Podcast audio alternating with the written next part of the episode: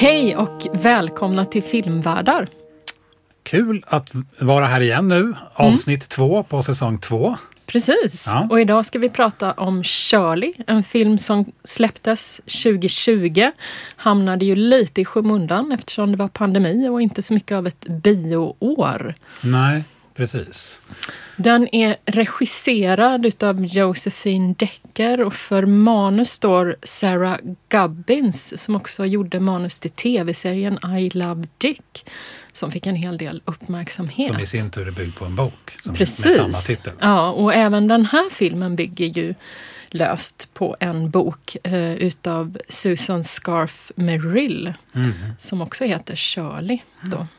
Och musiken då i den här filmen är gjord av Tamar Kali, mm. tror jag det uttalats. Mm. Och ähm, ja, Mm. Uh, och filmen finns ju, ska säga det eftersom vi nämnde det lite grann förra gången när vi pratade om filmerna. Det är alltid så att alla filmer vi väljer går att streama och hitta på SF eller den här filmen finns också på cineasterna. Så de är alltid lättillgängliga. Det är ju ett av våra urvalskriterier. Man kanske kan säga så här efter 12-13 avsnitt så att det, vi, vi, tipsar egentligen om att man bör se filmen först. Ja, för det, är om ursäkt att det kom lite sent så här efter 12-13 avsnitt. det, det, är ju inte spoilerfritt det här. Det är fullt av spoilers. Man får ja. definitivt veta mycket om slutet. Ja, Nästan alltid. Man kan också tänka sig att man har hört avsnitt som man sett filmen så, så är det bra med det. Men ja. det, det tycker vi nog kanske inte att vi står för. Det var mer ett skämt. Men den här filmen är ju um, Mm, den är spännande. Den ska vi prata mycket om idag. Mm.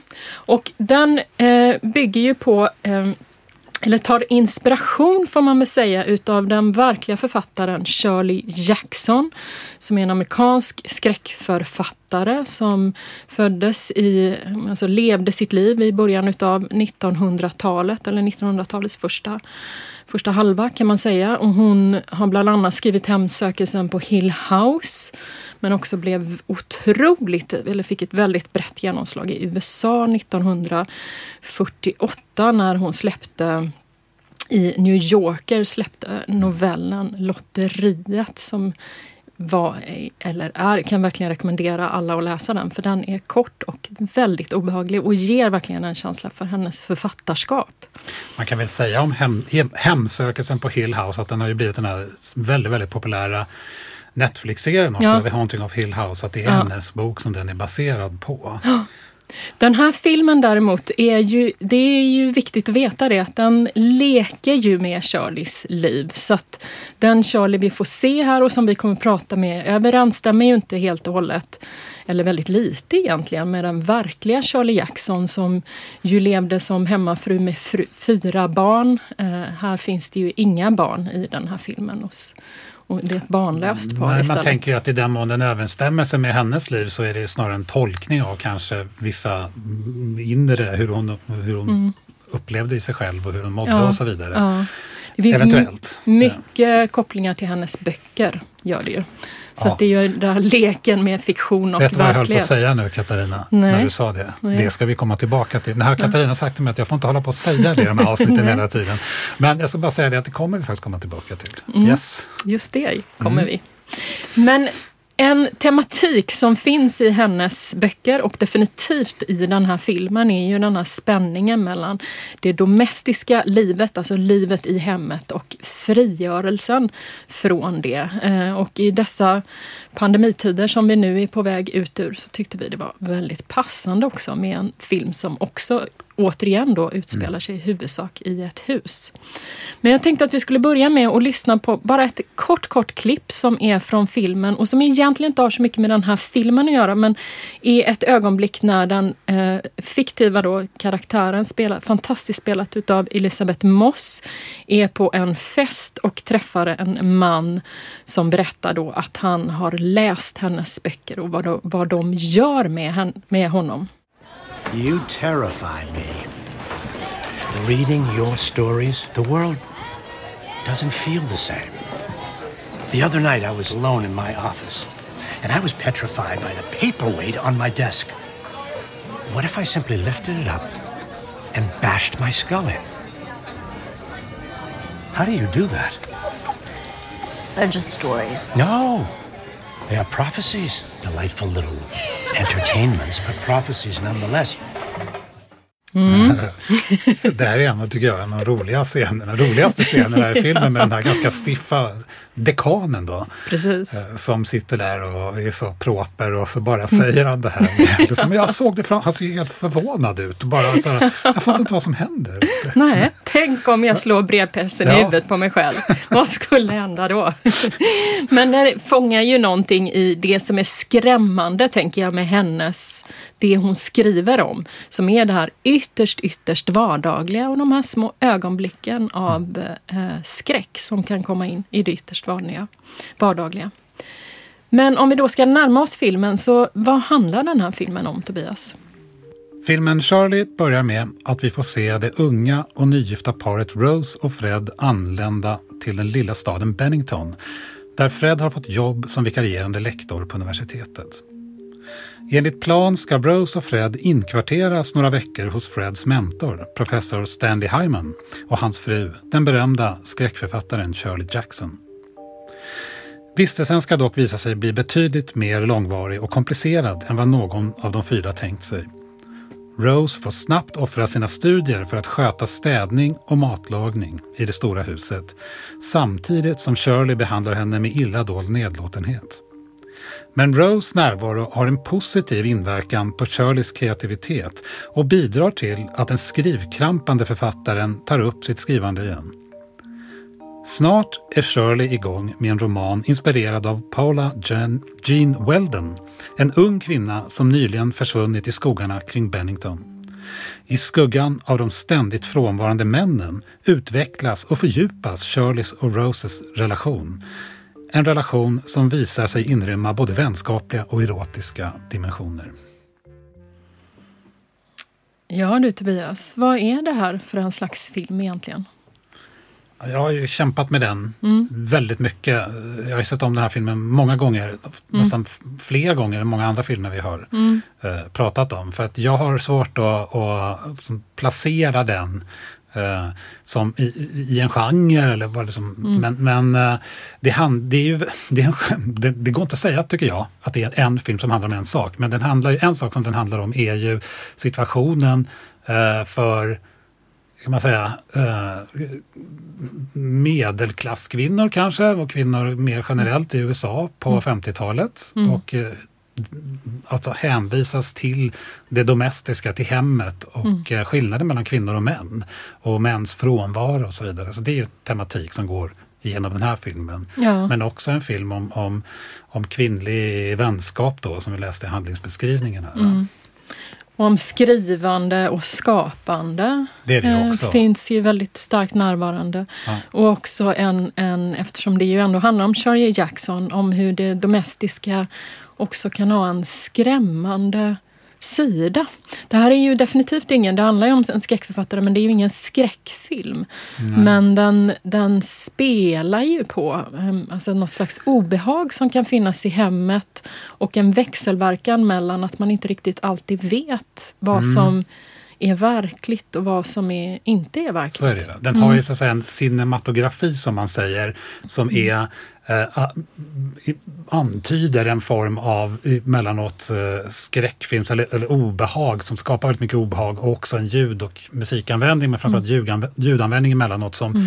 som är man ska säga, ligger inom någon form av liksom skräckfilmsgenre. Men, men det blir ju aldrig någon sån, sån typ av... Det, det liksom utvecklas ju inte till en, till en skräckfilm på det sättet. Nej. Eh, men, men obehag skapas emellan och just att det här att man, den, den pendlar ju mellan fantasi och verklighet också mm, väldigt mycket. Mm, mm. Men jag ser det också som en, som, som en film som är Um, som är relativt experimentell också i sitt sätt att, att undersöka förlagor, verkligheten och mm. fantasi och så vidare. Och i, i, sin form är väldigt genomtänkt. Ja. En väldigt smart film, ska ja. jag säga. Ja, det är det. Jag tänkte att vi, för en, ett övergripande tema här är ju ändå precis som du sa, det här med att vara kvinna och förvisad till hemmet. Och inte alltid bara förvisad till hemmet utan i fallet som i Shirleys fall att vara en, en väldigt begåvad kvinna men som kanske inte heller får helt erkännande för det utan behandlas, alltså man behandlas nedlåtande utav män och är förpassad då till den här tillvaron. För det är ju vad som händer för Rose. För när Rose och Fred, det är ju Fred då som har skrivit en avhandling mm. och som kommer eh, till det här universitetet för han vill undervisa och bli, få en, en tjänst där. Och han är då liksom Stanleys, eller Stanley är Freds mentor. Mm. Men det är ju även meningen att Rose ska plugga på universitetet. Alltså de kommer ju dit mm. som två unga barnlösa människor som är fria att göra vad de vill. Men den här tanken den blir ju inte långvarig för Rose. För väldigt tidigt in i filmen så eh, ber ju då Stanley Rose om en tjänst. Och vi ska lyssna på hur det låter. Shirley has these bouts and just can't uh, can't keep up with the household, the shopping, and our last housekeeper just quit. Hmm. Bad back or lungs, I don't recall. Maybe gout. Uh, it would be such a titanic help if you would just mm, tidy up a bit. Maybe chip in with the laundry, the cooking. Oh, uh, well, no, no, no. it's too much.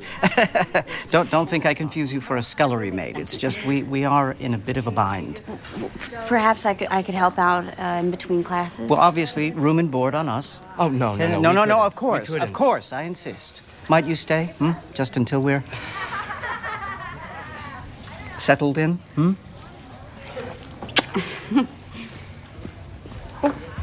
How's your rump roast? I love hot food in hot weather. Det visar ja. sig att det är inte så mycket av en fråga när han frågar hur hennes Det är det verkligen inte. stek är. Precis. Nej, och det låter ju inte heller som att det är under några dagar som det, det här ska handla om.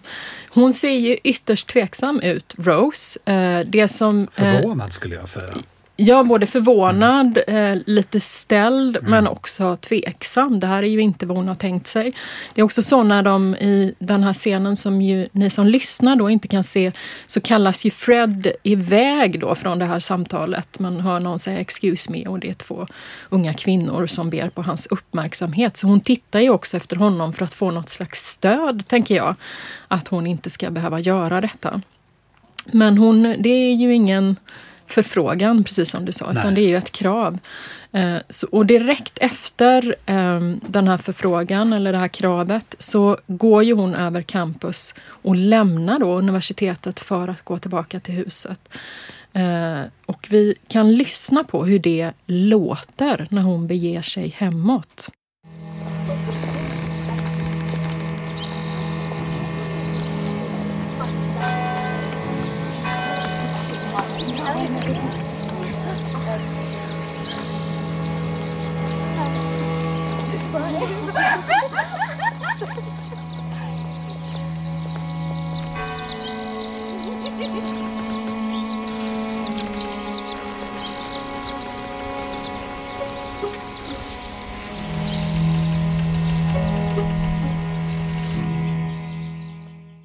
Ja, det är ju... Vad tänker du här? Jag tänker att det är en, um, att det är en ganska sorglig musik. Alltså den är ledsam, ja. den är tung. Eh, Speglar lite hennes ja, eh, ja. sinnestillstånd där också. Ja, och de här kyrkklockorna låter ju väldigt så här ödesdigra. Ja, ödesmättade. När de slår, ja, ödesmättade.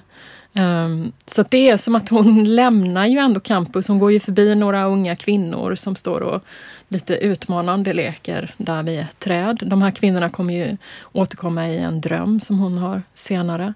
Uh, men hon lämnar ju den platsen hon var menad att vara på för mm. att gå tillbaka till hemmet. Det är också här hon ser det här uppslaget om den försvunna kvinnan, Paula, mm. som har försvunnit då på campus och som, ja.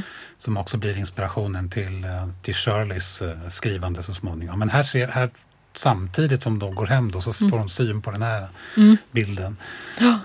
Och så kommer hon till det här huset som man får se ett klipp direkt till. Eh, där ju murgrönan verkligen håller på att växa över hela huset. Och där då Shirley mitt på dagen ligger i sängen och snarkar utan en tanke på att egentligen stiga upp. Men det är ju när man är i det här hemmet då som hemmet också kan vara lite obehagligt emellanåt. Och vi har ju ett ljud för det. Ja, det finns ett ljud för det och eh, det är ett ljud som kombineras med en bild. Eh, vi kan väl höra det, tänker jag, först och främst. Mm.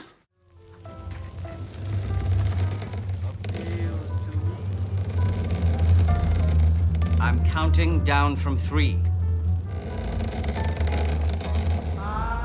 Three, two, one. Ja, det, det här är, den här filmen använder sig ju mycket av emellanåt ska jag säga, det går lite i, i sekvensen, men, eh, eller i segmentet, men av ljud. Mm. Eh, som, som dels för tankarna då till lite sådär skräckfilmsartade ljud. Då. Eh, men, men som också, alltså de blir påtagliga och eh, de det här är det ju någonting med, man ser ju samtidigt som man hör det här ljudet knarrar väldigt högt. Ja. Så ser man också, så panorerar kameran över taket mm. och hamnar till slut i sovrummet där Stanley eh, och Shirley är och Shirley vill inte stiga upp i sängen. Mm. Men, men det är det är dels som att huset, det är ju lite som de här hemsökta husen som hon skriver om. Mm. Alltså huset på något sätt är hemsökt. Men det, här kan man ju tänka sig, få tanken till att huset är hemsökt av någonting som alltså, personerna som bor, bebor det här huset mår inte helt bra. Mm. Eh, sen så är det ju, och det, det, skapar ju en känsla tillsammans med det som pratar om liksom, kamera, eh, så att säga, hanteringen här också av att det finns någonting klaustrofobiskt i det här huset. Någonting mm. läskigt som inte funkar med, för det är ett väldigt vackert hus mm. annars. Mm. Eh, och det här är en av de, tycker jag, bästa exemplen i filmen på väldigt kort, kort men, men, men ändå hur hur man kan skapa det här med, med både ljuden då och mm. på något ställe även musiken. Sådär. Ja. Men, det, men det blir ju inte läskigt på riktigt Nej, sen, utan det är men jag, bara, ja, jag tänker ju att det, för den går ju från att vi får se Rose stå i det här köket som är extremt smutsigt och det är flugor och det är hur mycket disk som helst som hon plötsligt då ska ta hand om. Mm. Till att det här knarrandet kommer och taket som kameran går upp i är ju också, det är ju sprickor i taket.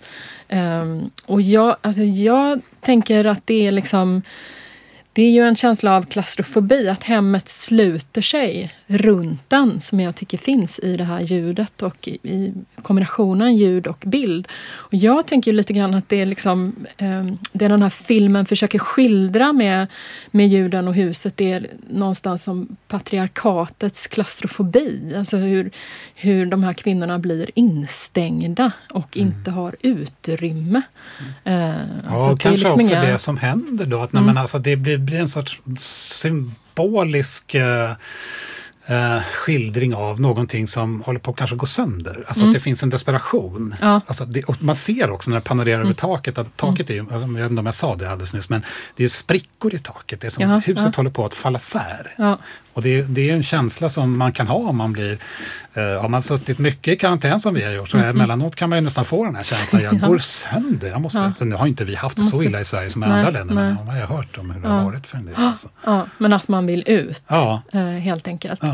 Eh, det vi hör också Stanley säga 1, 2, 3, det är ju att han ska ha upp Shirley ur sängen. Så att han 1, 2, 3 innan han rycker täcket ifrån henne. Mm. Mm. Jag tänker på den här instängdheten också. I mm. Shirleys fall så blir ju den förvärrad av att hon har ju, både i verkligheten hade hon ju utvecklat hon ju mm. senare, men också i filmen här, det som man kallar för agorafobi, att hon liksom torgskräck. Hon vågar inte gå ut i huset. Mm. Eh, och det är ytterligare så att säga, spär ju på den här instängdheten ja. kan man tänka sig. Och där det ju också, tänker jag, så som det skildrat i varje fall, blir som en spänning mellan att, att först stängas in och sen bli rädd för att gå ut. Att det finns en mm. relation däremellan. Mm. Ja, Charlie är ju, eh, precis som den verkliga Shirley Jackson en författare och hon eh, försöker ju skriva. Hon har en period, säger Stanley.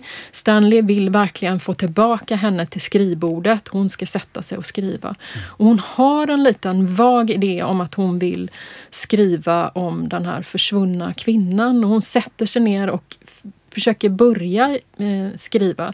Jag tänkte bara att vi ska höra hur det eh, låter, för hennes skrivande är en väldigt viktig del i den här filmen. Always wore a red coat. Last seen at the trailhead. Paula was 17 and already disappointed. The dread of going to college, no. She was 17, an age that brought with it the possibility of a whole life ahead Fuck. that brought with it the stabbing nervousness that at any moment her life would go horribly. Fuck! Så går man och lagar mat istället. Man ser, det följs av en bild på ett ägg här. ja, men det är ju Rose naturligtvis som står där och ja, lagar maten. Ja, det är hon som lagar maten här. Mm. Ja, nej, men det här är väl det är intressant tycker jag. Inte, alltså det, man har ju sett, den här filmen innehåller ju sina klichéer när det mm. gäller skrivande faktiskt. Mm. Man säger med, med, att hon sitter och knycklar ihop papper och kastar iväg. Men det här, det här känns ju lite mer fräscht tycker mm. jag. Mm. Hur, hur det kan vara, att man får höra hennes inre tankar. Hon formulerar om och det blir inte bra. Nej. Nej. Hon sitter fast i detta. Hon, hon har liksom en, en, en, utgångspunkt men det vill sig inte helt nej, enkelt. Nej, precis. Eh, men här kommer ju Rose ändå som en form av räddande ängel för henne. Um, för att hon är ju ganska hånfull gentemot Rose inledningsvis. Uh, det är också en del i att vara i det här huset, att de här middagarna som Stanley och um, Shirley har, uh, de, de, de, kan ju utvecklas på alla möjliga sätt som blir mer obehagliga. Ja, verkligen. Mm, mm. Det, den första middagsscenen är ju väldigt obehaglig. Mm. Därför att de tänker... är så otrevliga helt enkelt. Ja, just det. Alltså, så att hon... Ja, då, det är de, precis. Ja, så ja. det är väldigt obehagligt. Men när det gäller hennes skrivande då, mm, mm. tänker jag så här, alltså en, en, ett problem för Shirley är ju att hon inte liksom får ju inte syn riktigt på den här, så, så tolkar jag i alla fall, mm, mm. på Paula då. Liksom. Hon, hon är liksom lite ansiktslös. Ja. Uh, men det finns ju en intressant uh, scen då, där för, för, för Shirley är ju också, hon säger att jag är en häxa, så hon ska mm. spå. Mm. Hon, ska, hon, kan, hon vet ju också att, att, att Rose är gravid, mm. vilket hon ju är mm. när hon kommer direkt. Så. Mm. Och så är det en scen där uh, Shirley ska spå Rose med tarotkort. Uh, och då kommer det, det som jag tror inte faktiskt riktigt kan hända när man spår med tarotkort, men att det kommer den här hangman kommer upp tre gånger. Ja, och då så får uh, Shirley någonting fjär, fjärnt i blicken. Mm. Och får syn, där händer det någonting. Vi kan väl höra mm. det först då.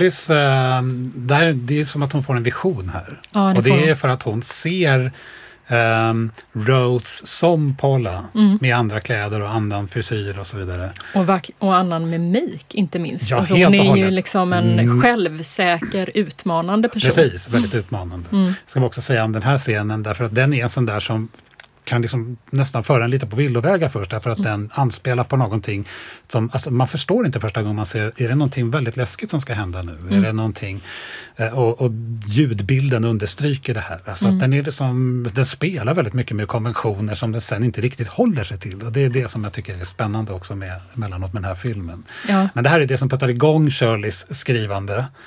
Och sen eh, för övrigt så är hon ju också, det verkar ju drivas fram i så att säga, filmen Shirley av, av visioner väldigt mycket. Mm. Att hon ser hon ser någonting, ja. Ja. Men det är ju också som att hon ser någonting i Rose här. Det är inte bara att hon ser att hon, det är som att hon, alltså att hon drar nytta av att hon har den här unga kvinnan som när hon är Rose, vid det här tillfället i varje fall, ser ganska ja, men, ung och oskyldig och liksom följsam då på många sätt.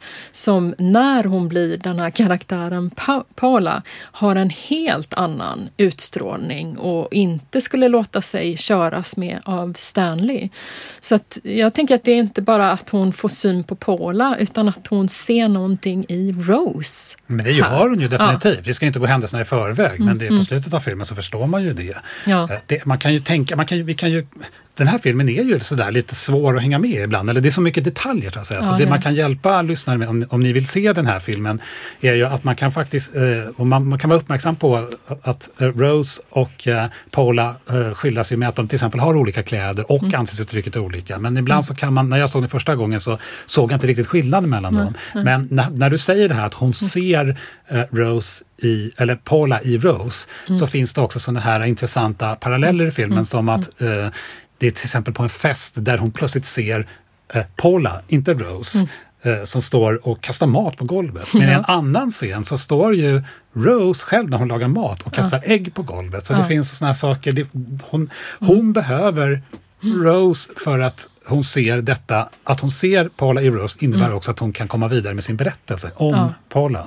Ja, verkligen. Men va, ja, Mm. Och, och, jag tänker att de, de här kvinnorna är ju bundna till varandra för att de tillbringar all sin tid i det här huset. Men de är också bundna till varandra därför att de har två män som inte är i huset men fortfarande begränsar deras tillvaro. Eh, och deras förtrolighet och vänskap växer ju fram långsamt. Alltså från att Rose har sagt till mm. Fred vid första kvällen, alltså eh, max en vecka, sen flyttar vi härifrån. Jag står inte ut. Det är ju efter den där första middagen, ja. när, när, när Shirley har behandlat henne väldigt illa ja, kan man säga. Ja, det gör hon ju. Det gör hon ju på ett så här typiskt eh, Shirley-sätt. Ja. Väldigt nedlåtande och, och, så. Och rakt på sak. Um, men ett av de första förtroliga samtal de har äger rum på natten när båda kvinnorna inte kan sova. Och de möts i köket där då eh, Charlie har öppnat kylskåpet.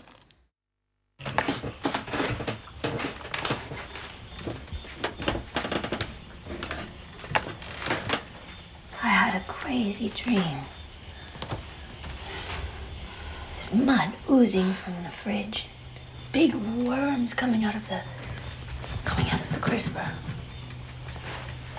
As fat as fingers.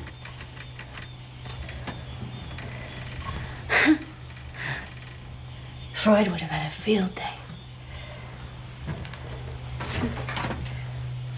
I haven't read any.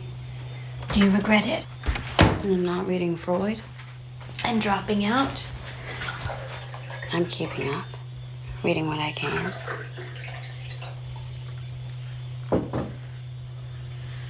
After the baby, Fred says I can go back to school. He's allowing you. Wow. Was he at the Shakespeare Society tonight? Fred's a good man. So you've said. His parents cut him off when we eloped. And he knew they would. He married me anyway. And you have to prove that you're worth it. Yeah. Hmm. Sounds exhausting.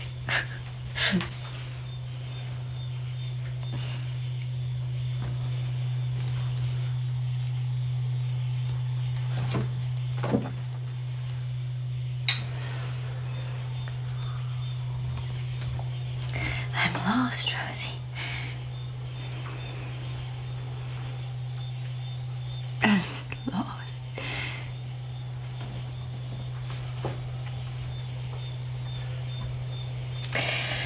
Do you know what it's like to have a secret? I can't write worth a damn. You're a terrific writer. Everyone loves your work.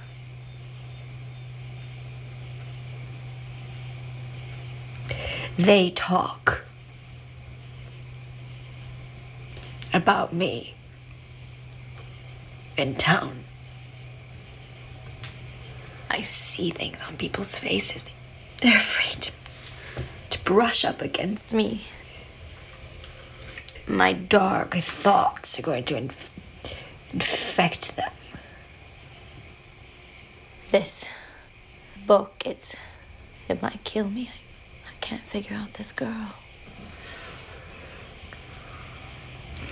Maybe disappearing was the only way anyone would notice her. Vad tänker du här då, Katarina? Men det är ett långt klipp och det innehåller väldigt många saker. Men om vi ska börja med eh, hela den här... Liksom, alltså hon inleder ju med den här drömmen om liksom hur kylskåpet är fullt av maskar, alltså en slags förruttnelse mm. som finns i köket. Och sen ifrågasätter ju Charlies Freds intentioner eller att han skulle vara så här god då som eh, mm. Rose gärna vill se honom. Eh, så det hänger ihop med Shakespeare Ja, det får vi ju mm. veta senare att det mm. inte finns där, Shakespeare-sällskapet, utan det är bara ett sätt att mm. eh, helt enkelt ligga med ja, de kvinnliga studenterna. Ja. Så att hon ifrågasätter ju det utan att berätta ännu. Men hon säger ju det här när Rose berättar att ja, men, han gifte sig med mig ändå fastän hans föräldrar skulle liksom ta bort all, alla, allt hans pengastöd. Så säger hon, så nu måste du visa att du var värd det. It sounds exhausting. Och det finns ju någonting i den här inledande dialogen som jag tänker, det här utspelar sig ju, jag är inte helt säker på exakt när, men någonstans 50-tal, kanske början av 60-talet. Mm. Uh, så på 40-talet tror jag. Så. Ja, det har jag läst. Men okej, vi låter det vara osagt.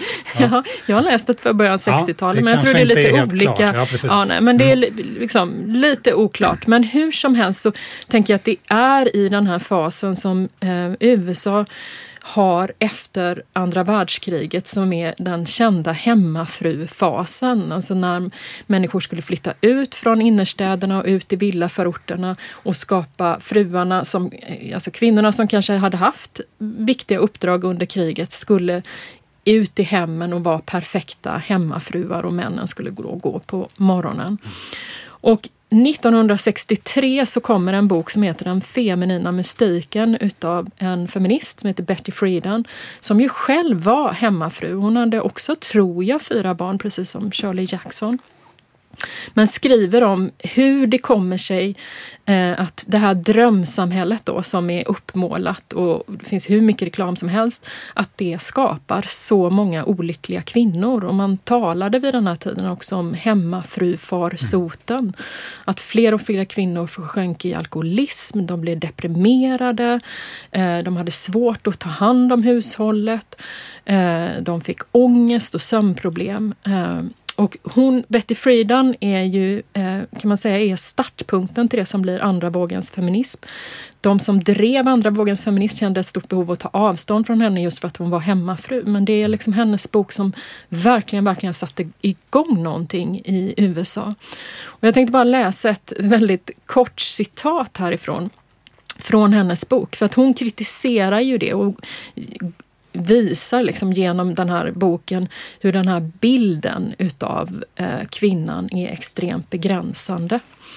hon skriver då att det här, den här kvinnan då framställs då som ung och tanklös, nästan som ett barn.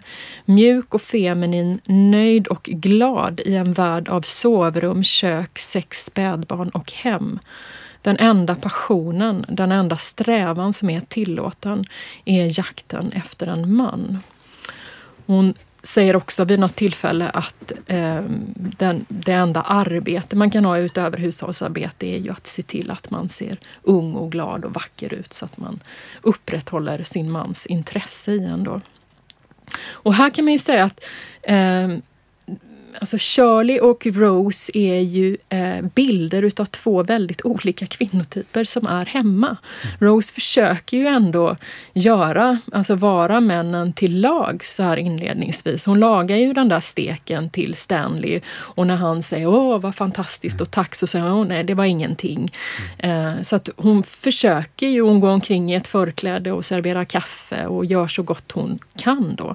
Medans Shirley tar ju helt avstånd från det. Hon försöker ju överhuvudtaget inte och beter sig ju inte heller som mm. en så här ung kvinna som ska ta hand om hemmet eller locka mannen. Tvärtom eh, hänger sig hon åt det som är hennes intressen som är antingen att sova alldeles för länge eller mm. att dricka för mycket eller att skriva. Mm. Eh, och hon verkar ju inledningsvis inte ta någon notis om huruvida det är eh, alltså att, liksom, eh, att hon inte blir ansedd då som en åtråvärd kvinna. Men här får vi ju också se henne säga att folk på stan tycker jag är obehaglig och att hon också lider utav det. De, de vill inte ens nudda mig. Nej, där kanske de också menar hon kanske också att de är... Um, jag ska bara säga kort att um, det, är ju, det är ju Shirleys, uh, kan man säga, ovilja eller oförmåga eller vad det nu är för något att leva upp till den här normen som gör mm. att Rose blir anställd. Ja. Att hon hamnar där hon hamnar ja, ja. och får den frågan som egentligen inte är en fråga utan mm. nästan som en kommendering. Då. Mm. Men jag tänkte också på det här som hon säger på slutet av det här klippet att they talk och de är rädda mm. för mig och sådär. Mm. Jag kopplar ihop det lite med det som vi hörde tidigare då med den här dekanen som säger att han ska slå brevpressen i huvudet. Att mm. han liksom blir rädd för hennes historier, hennes mm. fantasi ja. är farlig ja. för, för människor. Det är också det de är rädda för att bli smittade av. Så, och där tänker jag att lite grann, det här kommer ju inte fram så explicit i filmen, men att det liksom blir en kombination av den, hennes eh, image så att säga, som mm. författare och de historier som hon skriver och hennes sätt att leva på och att inte visa sig. För det här är också någonting som ofta skapar kanske både rädsla och ilska hos folk att någon håller sig undan. Ja. Alltså, det är liksom någon sorts jantelag i det där mm. också. Varför håller du dig undan? Är du för fin ja, för oss? Ja. Och så vidare. Men hon är ju inte heller klädd på det sättet. Alltså hon har ju inte den, den utstrålning som de andra kvinnorna. Hon, är ju, mm. hon har ju en lite obehaglig utstrålning. Eller de gör henne till en karaktär som ja. är, man inte, man inte kan vara 100% säker på. Mm.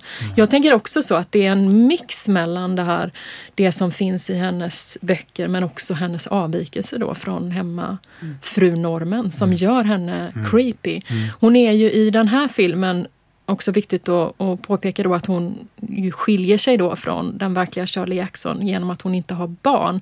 Och jag tänker på den eh, engelskspråkiga diskussionen om om kvinnor utan barn som hänger sig åt konst, att de blir sedda som art monsters.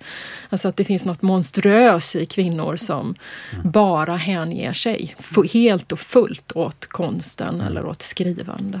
Och som hon säger, att vad händer, vad händer med vilsna kvinnor? De blir galna. Mm. Ja. Uh, och uh, sådana kvinnor som inte i, det här, i den här liksom 50-talskonsten, vi har ju antagligen allihopa sett skildringar av liksom det här perfekta amerikanska 50-talssamhället mm. där mm. ofta kan de vara ganska liksom cyniska, alltså då, men allt står de, står de och är, kvinnorna står och är jätteglada och perfekta och så vidare.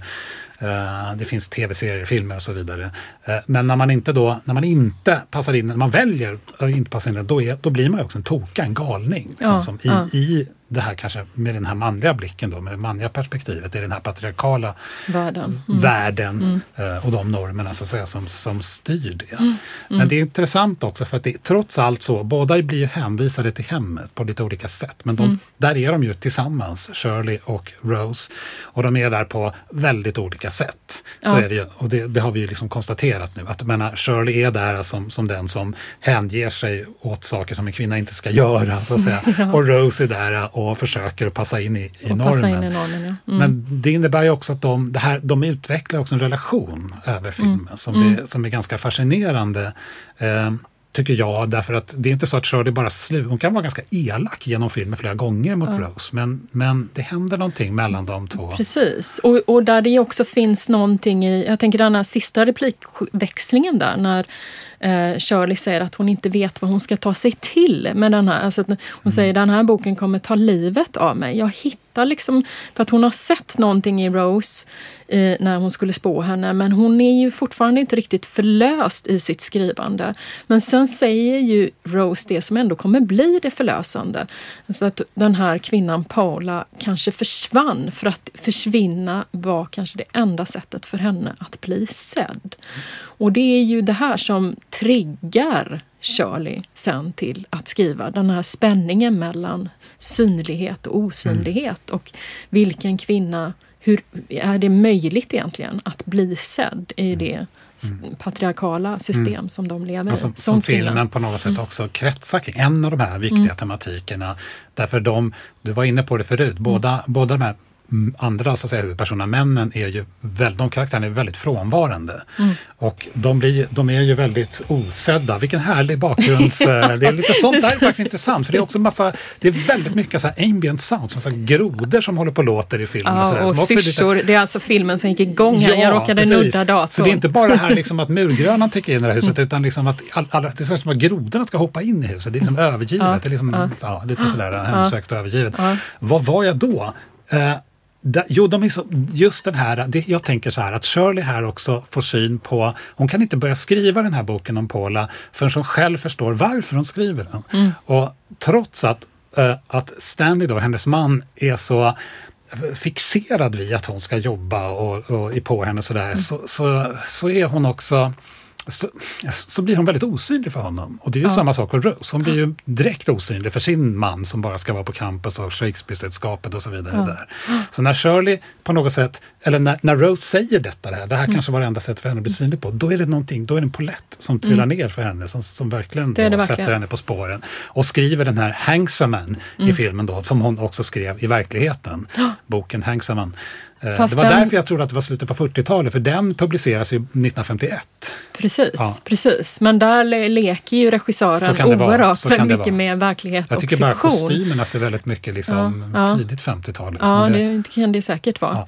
Det kan det säkert vara. Eller så är det inte meningen att även, även det är lite oklart. Precis, det skulle vara liksom den, det i den här filmens logik. Ja, den, verkligen. För den här Hengsamen som hon skriver i boken är ju inte samma som den Hengsamen som, är, eh, som hon skrev i verkligheten. Så att det finns ju hela tiden lekar med där vi, ju mer man ser den, också ska börja fundera på vad stämmer, vad Så stämmer inte. det. Men jag tänker att vi kanske skulle prata lite om de manliga karaktärerna i den här filmen också. Och i, i synnerhet då Stanley, alltså Mm. Shirleys man. Eftersom att att hans karaktär är, trots att han är en frånvarande man, så är liksom han, han är också väldigt närvarande och tar väldigt mycket plats. Otroligt och att, mycket plats. Ja, och att förstå lite grann vem han är och Mm. vad det är för en karaktär är också ett sätt att förstå relationen mellan Stanley och Shirley som också är en tematik som går genom den här filmen. Mm. Och jag tycker att eh, alltså, Stanley är en person som, som skildrar sig lite olika scener på lite olika platser här i den här filmen. Men en scen som jag tycker ger en ganska bra bild av eh, vem han är och hans självbild är en scen där, eh, återigen en sån här middagsscen då, där de alla fyra sitter och äter middag. Och den unga Fred då, eh, han har varit på Stanley eh, genom filmen eh, och frågat vad tycker du om min avhandling? Kan du eh, skicka den till din förläggare och sådär? Och han undgår hela tiden det där. Stanley. Han har ju inte läst den där. Alltså. Eh, Men till slut så har han uppenbarligen gjort det och eh, då sitter han här eh, Två gånger på en och samma Två kväll. gånger på en kväll? Hur hinner man Det går en avhandling? Nej, precis. Det är också en sån här sak. Det är, Oh, I did it two times in one evening. Eh, Men, men då ja, så, så tar han upp det här då till slut, Stanley. Som att jag, jag läste din avhandling igår kväll två gånger. Och så börjar han ju beskriva vad han tycker om den här avhandlingen. Ja. You were right. I only skimmed it before, but it, it was sufficient to hire you. That's excellent. I'm trying to think of the word I'd use to sum it up. Well, you can use several. I thought it was very engaging for an actor. I've got it. Let's see. It was derivative. In in in what ways is it derivative? Oh, in the ways that it was all derived from others' work. I, I spent years and years, hun- hundreds of hours of research, read everything. Yes, I'm sure. But you didn't do any thinking. Just the same old chattering on, no new ideas. No new ideas. I think you're oversimplifying. Darling, you're hardly the first person to hear this lecture. Originality isn't something one can simply will to manifest. That right, my dear? If it were only true. No. Originality is the brilliant alchemy of critical thought and creativity. And your work is so original. originalitet står han här och orerar om, är mm. den perfekta blandningen av kritiskt tänkande och kreativitet. Eh, och jag tycker den här scenen säger väldigt, väldigt mycket om vem filmens Stanley är. Eh, som tar så att säga, diskursen hela tiden och ha, är den som, som uttalar sig om originalitet och dessutom visar förstås att han är en person som, som inte drar sig för att, att förolämpa och uh, fullständigt, det här kan ju knäcka en ung människa med ambitioner. Ja, oavsett om han har rätt eller inte. Mm. För det, det, alltså, han, han, säger, han lyckas säga på en minut, det är liksom din avhandling, doktorsavhandling, den är mm. efter uh, derivative, den är mm. liksom efterliknande. efterliknande uh, du har inte tänkt själv. Mm. Det, det, sådär, alltså, ja, han bara fullständigt gör ner den här. Och sen har han, reser han sig dessutom upp och har sitt lilla tal om vad originalitet är. Ja. Och, och är den som har rätt att uttala sig om det. Då. Så, så han har ju den här äh, grandiosa självbilden på något sätt. Verkligen. Han säger till Charlie sen, för att Fred och Rose går ju därifrån och är jätteupprörda. Eh, och så säger han till Charlie sen, men du vet ju hur jag stör mig på det mediokra. Mm. Om den hade varit usel hade det varit spännande. Mm. Men det här var ingen det var liksom varken dåligt mm. eller fantastiskt. Men han är ju en, en, en, person, jag, tyckte, jag försökte att liksom ge honom the benefit of the doubt när jag såg filmen några gånger i början och tänkte ja, att det här är en komplex, det. ja, det här är en komplex person som ändå bryr sig om andra på något sätt, och framförallt sin, sin fru. Och har viss, han är ju väldigt så här uh, frustande glad människa, så här mm. fester, han liksom står han i centrum och så har det mycket, mm. mycket liksom liv i honom. Så där. Uh, men han framstår mer och mer tycker jag, med varje, varje gång jag sett om filmen, som en person som uh, är väldigt uh, ogin. Mm. Som, som gläder sig åt andras motgång, som han, kontrollerar, han är så otroligt upptagen av uh, Shirleys arbete på ett ja, sätt som, är, som tar över. Och sen när, han väl, uh, när hon väl kommer igång och arbetar och inte vill liksom låta honom läsa direkt så blir han ju svartsjuk på, på hennes skrivande, alltså avundsjuk på hennes skrivande och svartsjuk på personen som hon skriver om. Alltså det, det finns en en mm. oerhörd, och han parasiterar på något sätt på hennes ja, det, originalitet. Också. Det gör han ju. Jag, jag, tänker att han är ju vad vi idag lite ironiskt kallar för en sån här livsnjutare då. Han är ju verkligen en man som å ena sidan, som du säger, tar plats på fester och är frustande. Vi ser honom ju ganska många scener eh, ta på unga kvinnor, alltså och också gå över gränserna. Något tillfälle så lägger han ju eh, kinden mot Rose kind och hon tror ju att det är Fred, så hon gullar ju med honom tills hon till sin förskräckelse ser att eh, det ju är Stanley istället. Eh, vi ser honom också på fest ta på kvinnor. Liksom. Att, Samtidigt som de kvinnor fascineras ju av honom också ska man säga. Ja, ja, alltså, det, han, till, till, även Rose gör ju det. Ja, Så, han har ju en utstrålning som ja, är väldigt Samtidigt stark. som i vissa scener blir hon ju, känner hon ju avsmak ja, för honom. Så hon pendlar ju mellan de två lägena. Så att han, han, han är ju verkligen en man som har hela, alltså han har hela rummet. Han har hela universum. Det är ju det utrymmet han vill ta och alla andra ska bara underkasta sig det. Och samtidigt är det ju, precis som du sa innan, att det är ju den originella i det här rummet och den unika är ju Shirley mm. som samtidigt inte alls har den möjligheten att ta det utrymmet som han gör. Eh, och hon är ju också ytterst, ytterst begränsad. Han är väl extremt kontrollerande gentemot henne. Mm. Det är liksom ingen, även om hon har någon slags beroenderelation till att han ska läsa och sådär, så finns det ju nästan något eh, att hon är lite rädd för honom och mm. hans ja, synpunkter. Ja, så är det ju. Det ja. finns, och hon är nästan som ett trotsigt barn. Där hon säger mm. till exempel första gången meddelar honom att ja jag ska skriva, för han, har ju, han utgår ifrån att hon ska skriva en kortare novell. Nej, ja. hon ska skriva en roman. ja. Uh, och, och det, det är som att och det hon... Sen, det är för stort för dig. ser ut som en trotsig femåring. Ja, då är det för stort för dig, precis. Och vi närmar oss ju nu ett annat klipp som vi ska också, därför mm. hur han också visar en oförståelse för det, så att säga, det ämne hon har valt. Mm. Nämligen den här Paula då som, är, som, som har försvunnit från kampen, som är hennes utgångspunkt i filmen för att skriva. Hon skriver ja. ju om Paula, det är ju liksom en berättelse som man hör i hennes berättarröst i voiceover emellanåt. Men det här förstår ju inte Stanley överhuvudtaget och han tycker att det här är en, det här är en totalt liksom, ointressant uh, She's a nobody. She's a nobody. En sån här alltså, liksom... Varför skriva om en ung kvinna? Det finns hur många som helst sådana unga kvinnor på campus. Ja, precis. Så och han var... säger frankly it's beneath you och ja, så vidare. Ja. Låt oss lyssna på det. Mm. Won't you let me read it, darling? No. It's nothing yet.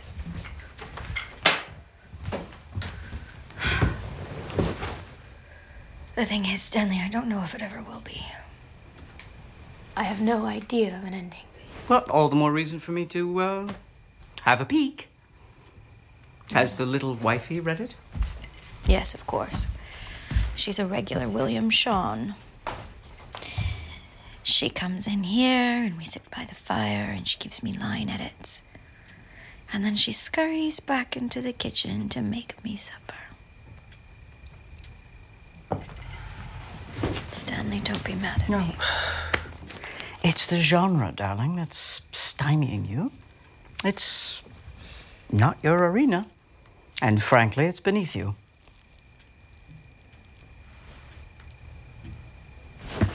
Keep your theories to yourself. You didn't know her. Don't tell me that I do not know this girl. Look, I might have walked by her a dozen times on campus. There's nothing fascinating about this girl except that she's gone. What has she done? You don't know your subject. She's a nothing. Who is she There to are dozens and dozens of girls like this littering campuses across the country. Lonely girls who cannot make the world see them. Do not tell me I do not know this girl. Don't you dare! Mm. Ja, jag vill bara säga här att det är Michael Stuhlbarg heter han ju, som spelar fantastiskt också, pappan här. Ja, en helt- Eller inte pappan, för det var det i Ja, den italienska. säga, ja, det är, ju, det är ju pappan han spelar i uh, Call Me By Your Name. Det är samma Ja. skådespelare, Ja, papp- här spelar pappan han, där. ja, han spelar han maken till Ja, precis. Charlie. Just Mm. Våga inte säga att jag inte känner den här flickan, säger Charlie. Väldigt, väldigt arg till Det är honom. klart hon är arg. Mm. Han, han, I all sin konstiga uppmärksamhet på henne så har han, osynliggör han ju henne. Han är också Ja. notoriskt otrogen. Och det får väl folk lösa på olika sätt Mm. sina förhållanden. Men det är helt klart så i den här filmen att det hon är inte bekväm med det. Hon Nej. känner sig väldigt, väldigt åsidosatt. Ja, Så det är en del av det här osynliggörandet. Och jag tänker att det är kopplat tillbaka till hans idé om originalitet där. Därför att för honom är det omöjligt att det här skulle kunna vara en originell handling om det handlar om en kvinna, alltså vilken ung kvinna som helst. Det är ju inte intressant överhuvudtaget. Och jag tänker också på att, att det här med att det här är en rörande scen faktiskt. Hon pratar om alla dessa unga kvinnor som Mm. finns på olika... Alltså man, jag tänker kvinnor, men kanske även män, unga studenter som går omkring och är väldigt, väldigt osynliga. Alltså den här Mm. känslan av utanförskap. Ja. eh, som också finns i boken Handsome på den riktiga boken Handsome Ja, Och jag, nu, tänker jag faktiskt plötsligt här på studenters situation, eh, kvinnor och även män, eh, under corona. Och Mm. känslan av osynlighet. Att- men här har Shirley en, en förståelse för det här. Mm. Det är det som driver fram, det är det som kommer göra att de kan skriva Precis. en så bra bok. Och han, han, fattar ju inte det här. Ja, men jag tänker att det hänger ju ihop med hur den här filmen, det jag sa eh, inledningsvis där, alltså pa patriarkatet som en klaustrofobi och hennes, alltså i från männens perspektiv så är ju kvinnorna där för att tillfredsställa dem. De ser ju inte kvinnorna. Alltså Fred som är gift med Rose ser ju inte henne och hennes behov. Han är liksom ute på universitetet och Stanley är ju intresserad av Shirley i den mån han kan parasitera på hennes kreativitet. I övrigt så har ju han också svårt att se vem hon faktiskt är. Och det är ju det hon blir så arg över här. Ja, okej. Att han en inte... Jag, tänk, ja, jag tänker att det, det är också det som filmen vill lyfta fram. Alltså hur den här tidsåldern faktiskt osynliggjorde kvinnor i så hög grad eftersom de blev tvingade in att spela specifika roller och att vara på sätt som de kanske var mycket mer än. Och det är också intressant i det här klippet hur hon hon ligger där i soffan och han säger så här, men, men kan, kan jag inte bara få take a peek? Liksom. Och så, så skojar ju hon lite med honom för att hon vet ju att han blir svartsjuk. Eh, för han frågar henne, har the little wifey Mm, fått mm, läsa? mm. Och då säger han, visst, hon kommer in här och vi tänder en brasa och vi går igenom line by line. Det är ju inte helt sant och samtidigt så är det ju så att hon och Rose har ju under den här, vi har inte tittat på klipp på det, men de har ju utvecklat en väldigt nära relation där ju Rose diskuterar innehållet med henne och där de också blir allt mer faktiskt attraherade av varandra. Det är ju mm. någon slags... Eh, mm, de utvecklar ju en erotisk eh, som relation också i det här. Ja, och som filmen aldrig riktigt avslöjar huruvida de faktiskt eh, har sex med varandra eller inte. Och det är egentligen inte så viktigt utan det viktiga är att den dynamik som utvecklas mellan dem är transformerande och extremt kreativ. Alltså den möjliggör ju då för Shirley att faktiskt skriva och arbeta med sin bok även om det är plågsamt i många stycken. Och den möjliggör ju för Rose att bli någon annan. Mm. Eller att bli den hon kanske faktiskt är redan ja, från början. Ja, Eller stiga precis, ur den här äh, Precis, stiga ur som, the little wifey-rollen. Ja, den tvångströjan som mm. förväntningarna, så att säga normerna är. Ja, är.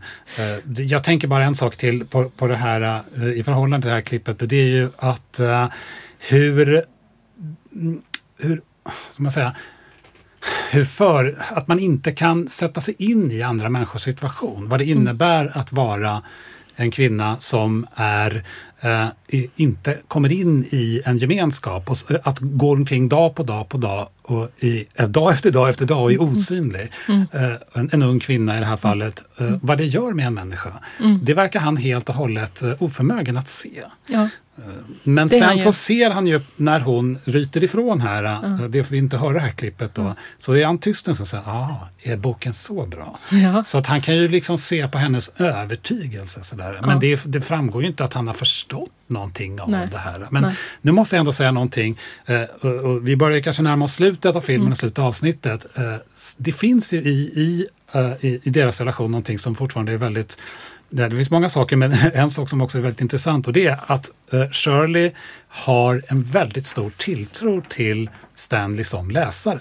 Mm. Och det är det som händer mot slutet av filmen, att hon har skrivit färdigt den här romanen och då får han läsa den. Och hans åsikter är väldigt, väldigt viktiga för henne. Och här tror jag inte bara att det handlar om att, att, hon, att han bara har makt över henne, utan hon litar på honom som läsare. Mm. Eh, så det finns, så någonstans så finns ju också ett genuint intresse. Så att jag, jag har en ganska negativ syn på den här Stanley, men jag tycker att det också är en, en styrka i filmen att det finns eh, att det, det även om han, han är en mycket, liksom, inte så sympatisk person, så, mm. så finns det, det är inte helt svartvitt, Nej. skulle jag säga.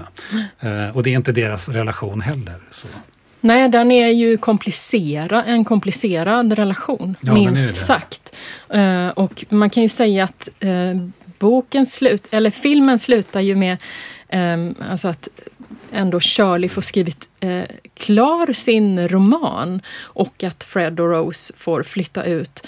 Men eh, att Shirley ändå blir kvar i den här miljön eh, tillsammans med Stanley. Mm och väljer ändå hans, hans sällskap. Medan för Rose så blir det ju en helt annan utveckling för att hon får ju veta då från Shirley att eh, det här Shakespeare-sällskapet inte är på riktigt. Att eh, Fred då har varit otrogen. Mm. Eh, hon eh, hamnar ju i en slags kris och beger sig... Hon har ju fått barn också ska sägas under den här tiden. Och det som eh, ju Shirley beskriver här med The Little Wifey är ju också på ett sätt en slags realitet. För de här två kvinnorna blir ju som föräldrar till det här lilla barnet. Man får fler, se flera scener där mm. ju Shirley också bär runt på barnet och tar hand om barnet. Så det finns något slags partnerskap dem emellan. Mellan det verkliga barnet och så att säga Shirleys lilla baby baby då som också ska ja. födas. Eh, men Rose får den här enorma krisen och ger sig av till skogs, precis som Paula och Charlie följer efter. Mm. Men sen eh, Stanley är ju svartsjuk så han, vill ju, han inser ju betydelsen som Rose har fått då eh, för Charlie. Så han bestämmer ju att de ska flytta därifrån. Um, så att här är det ju en slags kors, två eller flera slut på en och samma gång kan man säga. Därför att vi får å ena sidan se uh, Shirley och Rose stå vid en bergskant där Rose säger att det är inte svårt alls, det är bara ett litet steg mm. och sen är det slut. Men sen får vi också se då Rose och Fred lämna det här huset och eh, lämna Stanley och Shirley för att bege sig av någon annanstans. Eh, och ni ska få lyssna på vad den här dialogen då mellan eh, Rose och Fred.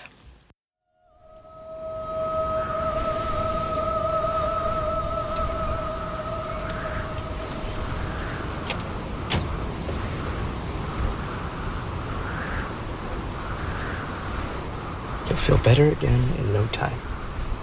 I feel fine now. You know what I mean. A little rest, a little time away. Everything will be back to normal. No, no, no, no, no. I'm not going back to that.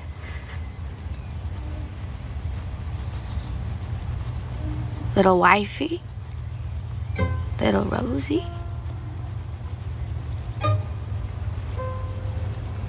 That was madness. Den riktiga galenskapen där. Ja. Att stanna i det. Ja. No, no, no, I'm not going back to that. Det finns ju något väldigt befriande i den här scenen när vi får se Mm. Rose eh, titta på Fred och säga, hon skakar ju på huvudet och bara, nej, nej, nej. Vi går inte tillbaka Scenen till det normala. fortsätter. Eh, De sitter ju i baksätet. Mm. Alltså, så filmar, får man se ett, som en close-up då på Mm. henne under någon minut eller två. Eh, inte riktigt så länge kanske. Och det, det tycker jag är väldigt starkt. Det, här, det är nästan så att jag skulle önska att, det här var slutet. För det, kom, det som kommer efter är ju en scen när, när Stanley läser eh, Shirleys Shirleys manus. manus och de dansar och sådär. Men det här är så starkt därför att vi vet inte vad, vad hon har i åtanke, men hela hennes kroppshållning, ansiktsuttryck, alltså Rose här, Rosie, eh, visar ju med all önskvärd tydlighet att hon, eh, vad det än är hon kommer att göra, vad det än är, hon har bestämt sig för någonting. Och hon har liksom spräckt hela den här kostymen som redan från början, hela tiden, var för liten. Alldeles för liten för henne, ja. Mm. Och hennes, hennes man här, Fred, då, som, han ser ut som en förvuxen tonåring tycker jag. Liksom. Alltså, Ja, vad ska han med honom till? Ja. Det var, så, han, är- han, är ju han är ju lite av ett spöke i den här filmen Ja, också. är Han är ju han. aldrig där. Nej, att han är inte där. Han, han lämnar ju henne för att bara vara där på campus med Ja. de här andra kvinnliga studenterna. Ja. Men, men det är också det som är, ändå finns med en sån här kraftfull... För om vi tänker att en nerv som har gått genom den här filmen eh, och den här tillvaron i det här huset där de här kvinnorna behöver vara är ju liksom å ena sidan det här knarrandet vi fick höra inledningsvis, den, alltså huset som kryper sig på, den alldeles för lilla världen eh, som man vill utifrån, som är klaustrofobisk och där de inte har någon makt över sina liv.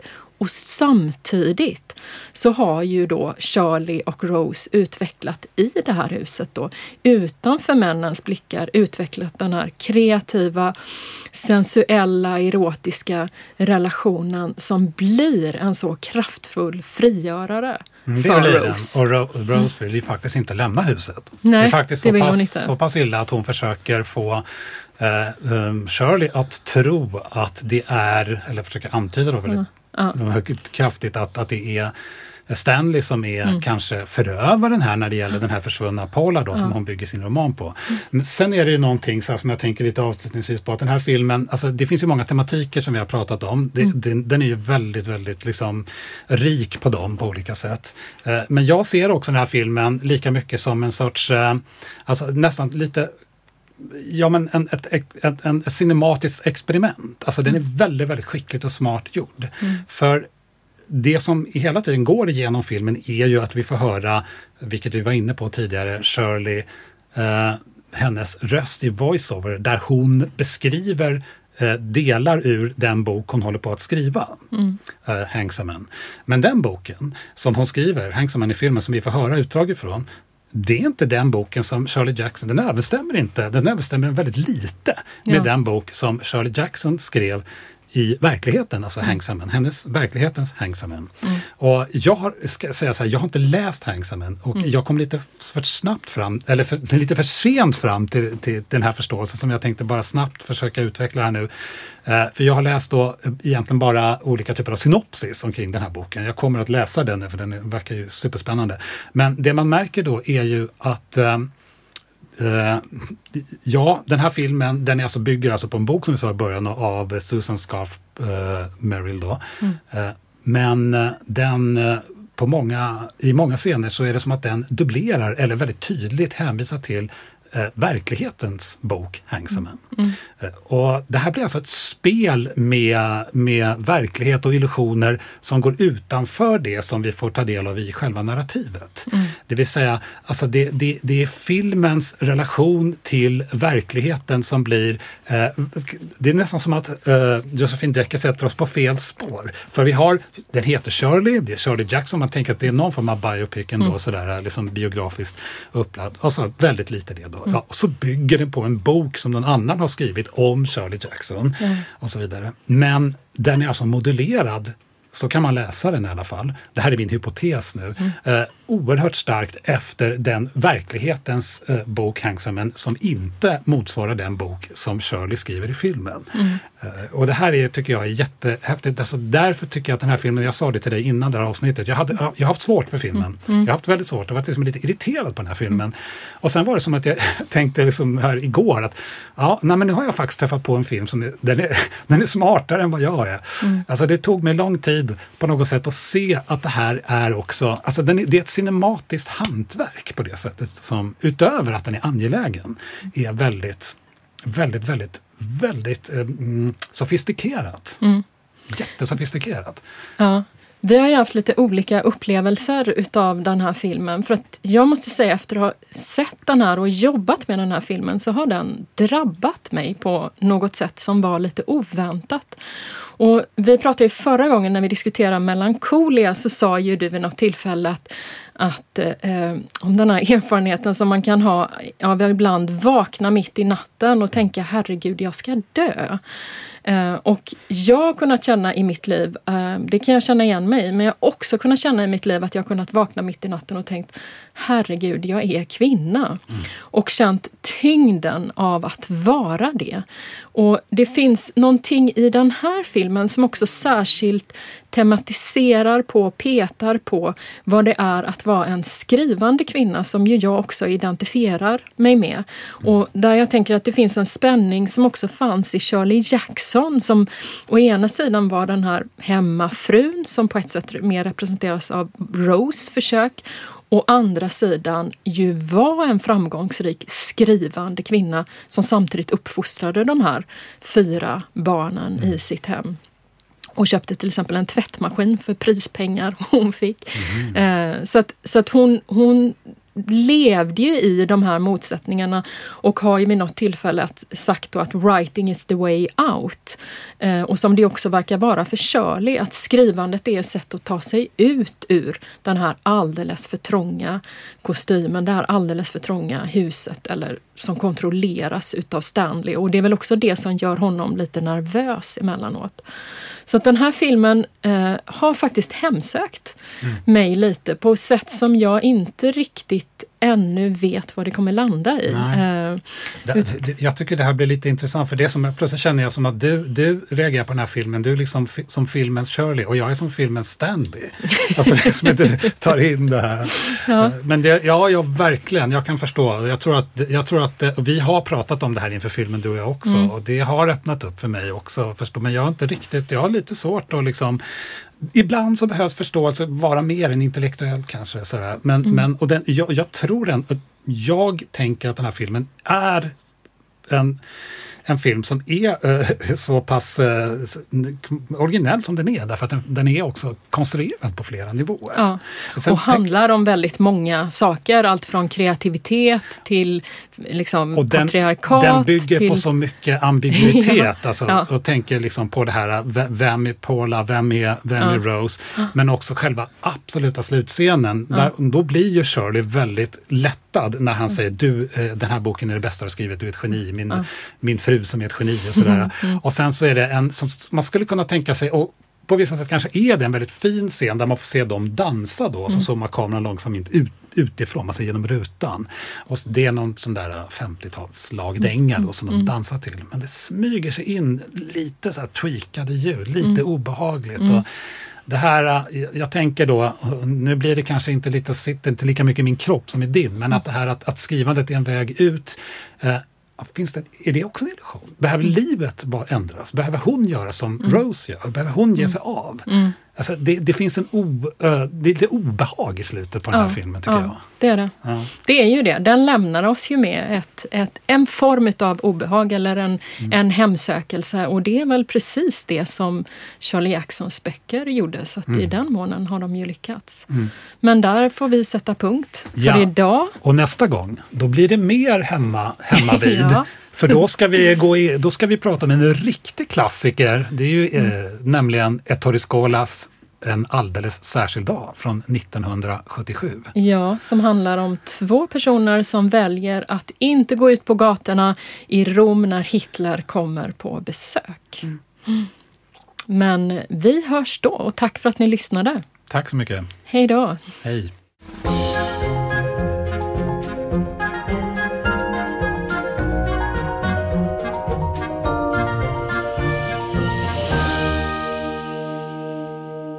Den här podden produceras av Medieteknik vid Göteborgs universitet med bidrag ur stiftelsen Gustav Adolf Bratts föreläsningsfond och Institutionen för kulturvetenskaper.